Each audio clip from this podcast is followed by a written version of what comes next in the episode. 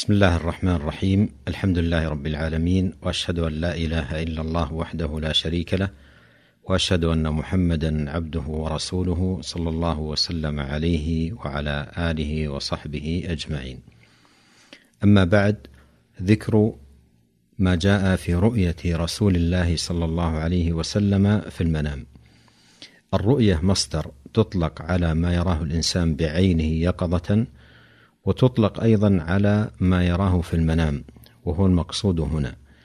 لذلك قيدها وهو المقصود هنا. وختم الحديث عن الشمائل بذكر ما جاء في رؤية رسول الله صلى الله عليه وسلم في المنام يتضمن تقرير الارتباط بين معرفة الشمائل والتحقق من الرؤية. فمن لم يكن على معرفة بشمائله وصفاته صلى الله عليه وسلم فلا يمكن أن يتحقق أن الذي رآه في المنام هو النبي صلى الله عليه وسلم. وهذا يؤكد أهمية العلم الشرعي وأهمية دراسة مناقب النبي صلى الله عليه وسلم وصفاته وشمائله. وإذا قرأ المسلم كتاب الشمائل للإمام الترمذي رحمه الله أو غيره من الكتب المعتمدة كان على بصيرة من أمره في هذا الباب وسلم بإذن الله من أن يغتر أو يزيغ عقله بمكر الشيطان وحيله وتلبيسه. فقد اغتر كثير من العوام برؤى رأوها في مناماتهم وتوهموا أنهم رأوا النبي صلى الله عليه وسلم في المنام. وتحت تلك الرؤى المزعومة المتوهمة انتشرت كثير من البدع والضلالات التي ما أنزل الله بها من سلطان. عن عبد الله بن مسعود رضي الله عنه عن النبي صلى الله عليه وسلم قال: من رآني في المنام فقد رآني فإن الشيطان لا يتمثل بي أخرجه الترمذي وابن ماجه. قوله من رآني في المنام فقد رآني فإن الشيطان لا يتمثل بي أي من رأى النبي صلى الله عليه وسلم بصفته المعهودة المعروفة لا بصفة أخرى لأنه قد يأتي الشيطان للإنسان بصفة أخرى ويقول إنه الرسول لكن لا يمكن للشيطان ابدا أن يأتي لشخص في المنام بصفة النبي صلى الله عليه وسلم. وليس معنى قوله فقد رآني أنه رأى جسده صلى الله عليه وسلم الذي في القبر ولا روحه التي في الجنة. وإنما المقصود أنه رآه على صورته الحقيقية لأن الشيطان لا يتمثل به ابدا. وقد يتمثل بصور أخرى فيأتي الإنسان في منامه ويقول له إنه النبي أو أبو بكر أو عمر أو غير ذلك وهو في ذلك كاذب. وعن أبي هريرة رضي الله عنه قال قال رسول الله صلى الله عليه وسلم من رآني في المنام فقد رآني فإن الشيطان لا يتصور أو قال لا يتشبه بي. متفق عليه. وهو بمعنى حديث عبد الله بن مسعود السابق. وعن أبي مالك الأشجعي عن أبيه قال قال رسول الله صلى الله عليه وسلم من رآني في المنام فقد رآني أخرجه أحمد وهو بمعنى ما سبق من حديثي ابن مسعود وأبي هريرة رضي الله عنهما. وعن عاصم ابن كليب قال حدثني أبي أنه سمع أبا هريرة رضي الله عنه يقول قال رسول الله صلى الله عليه وسلم من رآني في المنام فقد رآني فإن الشيطان لا يتمثلني قال أبي فحدثت به ابن عباس فقلت قد رأيته فذكرت الحسن بن علي فقلت شبهته به فقال ابن عباس إنه كان يشبهه أخرجه أحمد. قوله فإن الشيطان لا يتمثلني أي لا يستطيع أن يأتي على مثال النبي صلى الله عليه وسلم بصفته المعروفة المعهودة التي نقلها الصحابة الكرام رضي الله عنهم. قال كليب والد عاصم فحدثت به ابن عباس فقلت قد رأيته. أي أنا رأيت النبي صلى الله عليه وسلم في المنام فذكرت الحسن بن علي أي لما رأيته في المنام ذكرتني صفته بصفة الحسن بن علي فصفة الحسن بن علي رضي الله عنه مشابهة لصفته صلوات الله وسلامه وبركاته عليه. قوله فقال ابن عباس إنه كان يشبهه وهذا شاهد لما سبق تقريره من عناية الصحابة رضي الله عنهم بهذه المسألة. وتحققهم ممن ادعى رؤية النبي صلى الله عليه وسلم في المنام هل رآه بصفته المعروفة أو بغير صفته؟ فإن كان بالصفة المعروفة فقد رآه لأن الشيطان لا يتمثل به صلى الله عليه وسلم. وإن كان بصفة أخرى فلا يكون بذلك قد رأى النبي صلى الله عليه وسلم وإن قال له الذي رآه في المنام إنه النبي. وعن يزيد الفارسي وكان يكتب المصاحف قال رأيت النبي صلى الله عليه وسلم في المنام زمن ابن عباس. قال فقلت لابن عباس إني رأيت رسول الله صلى الله عليه وسلم في النوم. فقال ابن عباس إن رسول الله صلى الله عليه وسلم كان يقول إن الشيطان لا يستطيع أن يتشبه بي فمن رآني في النوم فقد رآني. هل تستطيع أن تنعت هذا الرجل الذي رأيته في النوم؟ قال نعم. أنعت لك رجلا بين الرجلين. جسمه ولحمه أسمر إلى البياض. أكحل العينين. حسن الضحك. جميل دوائر الوجه. ملأت لحيته ما بين هذه إلى هذه. قد ملأت نحره.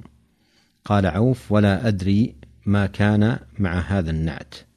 فقال ابن عباس لو رأيته في اليقظة ما استطعت أن تنعته فوق هذا. أخرجه أحمد.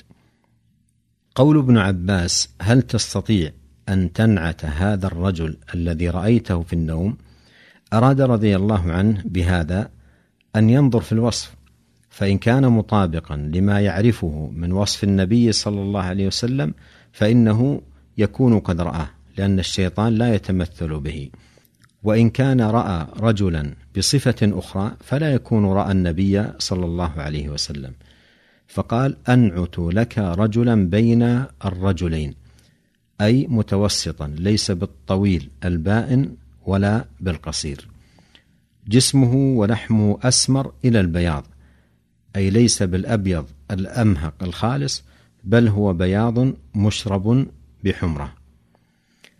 أكحل العينين أي أن جفونه فيها شيء من السمار كأنه وضع كحلا ولم يكتحل. حسن الضحك جميل دوائر الوجه ملأت لحيته ما بين هذه إلى هذه. أي ما بين أذنه اليمنى إلى أذنه اليسرى.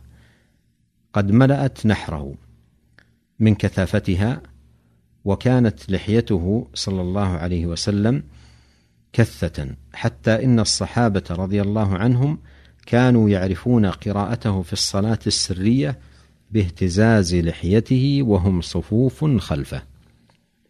قوله قال عوف أي ابن أبي جميلة الراوي عن يزيد ولا أدري ما كان مع هذا النعت يعني من صفات أخرى ذكرها لعله لم يحفظ منها إلا هذا. فقال ابن عباس لو رأيته في اليقظة ما استطعت أن تنعته فوق هذا أي أن هذا النعت الذي ذكرته للرجل الذي رأيته في المنام مطابق تماما لصفة النبي عليه الصلاة والسلام بحيث لو أنك رأيته يقظة ونعته ما تستطيع أن تزيد عن هذا الوصف.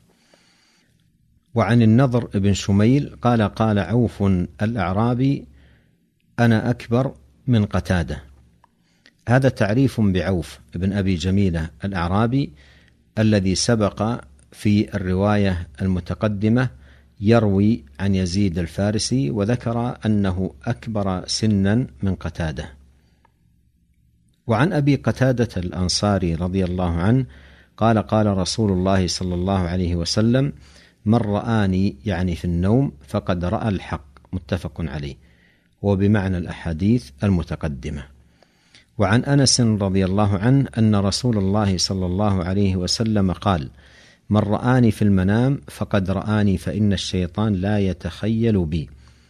وقال ورؤيا المؤمن جزء من ستة وأربعين جزءا من النبوة. أخرجه البخاري. قوله فإن الشيطان لا يتخيل بي أي لا يتمثل بي ولا يتصور بي ولا يتشبه بي كلها بمعنى واحد. قوله ورؤيا المؤمن جزء من ستة وأربعين جزءا من النبوة. في هذا فضل الرؤيا الصالحة التي يكرم الله سبحانه وتعالى بها عبده المؤمن وهي من المبشرات قال عبد الله بن مبارك إذا ابتليت بالقضاء فعليك بالأثر أي إذا وليت القضاء فعليك بالأثر والمراد بالأثر أي المأثور عن النبي صلى الله عليه وسلم وعن الصحابة الكرام بالأسانيد الصحيحة. أراد الترمذي رحمه الله أن يبين مكانة الأثر ومكانه الروايات المسندة وأن الواجب على من أراد لنفسه صحة دينه وسلامة معتقده وعبادته وذكره لله أن يرتبط بالأثر فدين النبي صلى الله عليه وسلم آثار تروى بالأسانيد في دواوين السنة والمصنفات المعتمدة المعروفة. وعن ابن سيرين قال هذا الحديث دين فانظروا عمن تأخذون دينكم. ختم الترمذي رحمه الله الكتاب بهذا الأثر عن محمد بن سيرين رحمه الله أنه قال هذا الحديث دين أي هذا الحديث الذي يرفع ويضاف إلى النبي صلى الله عليه وسلم دين. فانظروا عمن تأخذون دينكم. قال عبد الله بن مبارك الإسناد من الدين ولولا الإسناد لقال من شاء ما شاء. رواه مسلم. فليس كل من يروي الأحاديث تقبل روايته بل لا بد أن يتأكد من عدالته وضبطه. ولهذا عظمت عناية العلماء رحمهم الله قديما وحديثا بأحاديث النبي صلى الله عليه وسلم فألفوا كتبا خاصة في الأحاديث الصحيحة وكتبا خاصة في الأحاديث الضعيفة وكتبا أيضا خاصة في الأحاديث المكذوبة التي لا تحل روايتها إلا لبيان حالها.